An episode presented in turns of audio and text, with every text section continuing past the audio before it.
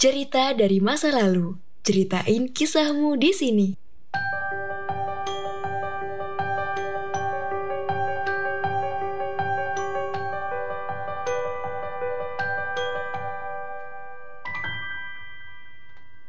Halo teman-teman, kembali lagi bersama saya Berbara dan kalian masih mendengarkan podcast Sejarah Indonesia. Untuk kali ini, kalian sedang mendengarkan konten atau segmen cerita dari masa lalu, di mana konten atau segmen ini kalian akan mendengarkan cerita-cerita kiriman dari para pendengar dan akan saya bacakan dari kalian untuk kalian. Kalau misalkan kalian punya cerita yang menarik, yang berkesan, atau mengenai masa lalu yang tidak bisa dilupakan, silahkan share aja melalui DM di Instagram, atau bisa kirim langsung di podcast sejarah at gmail.com, atau bisa juga kalian langsung melakukan rekaman. Untuk kali ini, saya akan bacain cerita kiriman dari Gusti underscore Garnis underscore Sasmita. And hope you guys enjoy untuk ceritanya.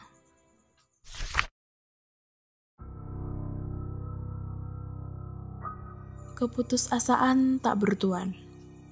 Siapa gerangan pemilik ingatan ini? Sedih, sakit, menyerah, halusinasi yang terlalu nyata untuk dirasakan. Hai, ini merupakan minggu pertama di tempat kerja yang tak lagi asing di ingatanku. Ya, sebuah institusi pendidikan tempatku belajar tepatnya setahun yang lalu. Hanya saja kali ini aku menemukan banyak teman baru. Hmm, termasuk teman yang namanya sengaja aku lupakan. Kami berjumpa di sore itu menjelang maghrib ketika aku bereskan beberapa dokumen administrasi di ruangan kantorku. Bersama Mas Tama, salah seorang teman kerja, seruangan dan beberapa teman kerja lainnya bermaksud untuk sholat maghrib di lantai dua. Karena kebetulan musola di lantai tiga sepi, aku bergegas mengambil air wudhu di musola. Ah, pikirku kan nanti yang lain juga menyusul. Seusai sholat, aku melihat sekeliling namun tak seorang pun tampak. Kembalilah aku ke ruangan untuk berberes dan segera pulang. Setibanya di ruangan, pandanganku tertuju pada sebuah cermin panjang yang biasa kami gunakan. Ku dekati perlahan bayanganku di sana dan seketika perasaan aneh menyusup perlahan semakin kuat, semakin berat, dan seperti seorang gadis pelajar yang bermimpi dalam keadaan setengah sadar. Dalam cermin kulihat bayanganku. Kamu masih punya mimpi yang besar, gumanku. Alam bawah sadarku melihat bagaimana perjuangan dimulai di ruangan ini menatap keluar jendela dengan harapan, ambisi, dan mimpi yang besar. Tapi sontak, sedih, putus asa tanpa sebuah sebab yang pasti. Apakah ini? Hei, apa yang kusedihkan? Kataku dalam hati. Dan seketika menyeruak menusuk ke dadaku. Ah, oh, sakit, berat, Ku pegang bingkai kaca itu dan bibirku terucap di sini.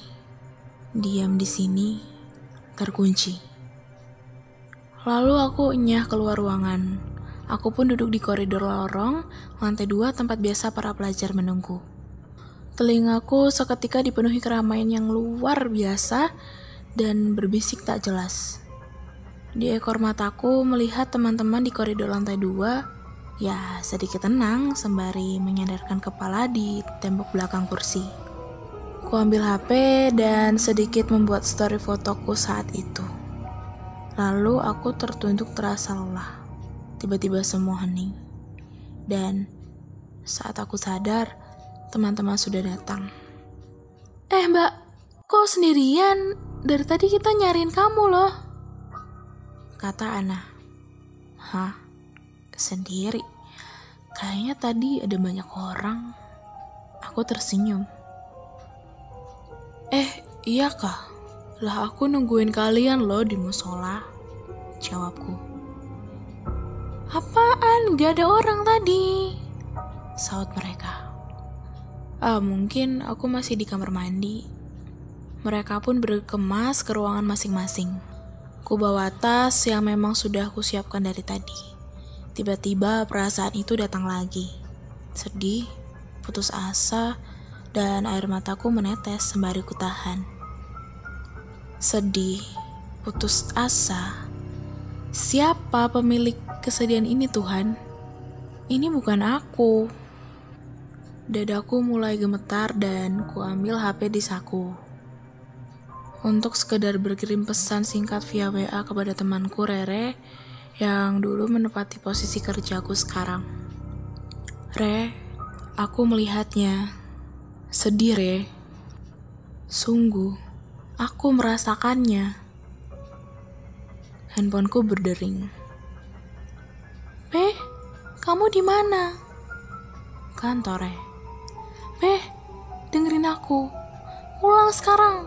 Ini jam berapa kamu masih di kantor? Tapi Re, dia pulang be. Dengerin aku ya. Aku tahu dia. Jangan hiraukan dia. Ada yang gak kamu tahu tentang dia. Pulang sekarang. Iya Re. Aku pun berjalan lemah sempoyongan menuruni tangga dan sesampainya di luar gedung, aku teringat perkataan seseorang bahwa pelepasan itu bisa dilakukan dengan bantuan energi asal ada keyakinan kuat. Ku telepon Abu, teman seruanganku selain Tama. Beb, di mana? Masih di prodi sama yang lain. Ini udah berberes kok, mau pulang. Kenapa? Bisa turun sekarang, Beb. Aku tunggu di depan ya. Abu datang dengan pandangan aneh. Kamu kenapa? Sakit toh? Tanpa menjawab, ku ambil tangannya. Eh, kenapa lo? Tanyanya. Sebentar ya, jawabku dingin. Beberapa detik kemudian, ku lepaskan tangannya sembari tersenyum. Makasih ya, aku duluan. Aku pun pulang dan perasaanku membaik. Keesokan harinya, Abu menghampiriku. B, semalam kamu ngapain? Kok badanku lemes dan sakit semua sampai malam? Sumpah sampai nggak bisa tidur. Aku cuma tersenyum. Nggak apa-apa kok, makasih ya. Kamu pasti abis diajak kenalan sama seseorang ya? Aku mengangguk dan bercerita sedikit tentang kejadian semalam. Tentunya dengan menutupi beberapa hal yang bagiku juga tidak masuk akal. Beberapa hari setelah kejadian itu, timbul beberapa kejadian aneh di sekitar lingkungan kerjaku. Hingga seorang teman kosku bercerita tentang temannya. Kasihan Mi, temanku. Dia meninggal saat aku pulang ke kampung halaman. Dia dulu sering main sama kami di kos ini. Dia mengidap bipolar, dia tidak bisa sendiri dan karena saat dia sendiri, dia selalu merasa sedih dan putus asa. Dan akhirnya dia memutuskan menemui Tuhan lebih cepat. Dia punya mimpi yang amat besar. Dia punya impian tentang masa depannya dan dia sering bercerita kepada kami. Ya, kami hanya berdoa semoga dia tenang di alam sana dan tidak lagi sedih maupun putus asa. Ya, kadang di tempat-tempat yang dia sering kunjungi, kami masih merasa kehadirannya.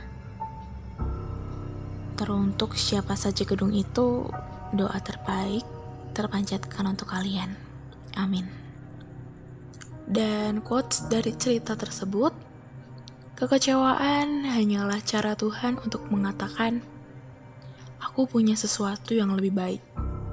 Sabar, jalani hidup, dan miliki kepercayaan.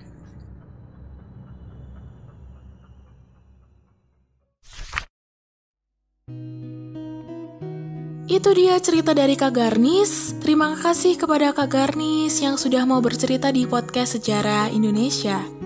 Selanjutnya, siapa lagi nih yang pengen dibacain ceritanya? Untuk kalian yang misalnya punya cerita yang menarik, yang berkesan, atau mengenai masa lalu yang tidak bisa dilupakan, Silahkan share aja melalui DM di Instagram atau bisa kirim langsung di podcast sejarah at gmail.com atau bisa juga kalian langsung rekaman. Sekian segmen cerita dari masa lalu, nantikan cerita selanjutnya yang pastinya seru dan menarik di podcast sejarah Indonesia.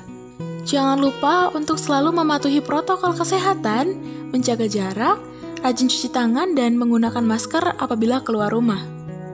Stay safe and stay healthy. Saya Barbara pamit.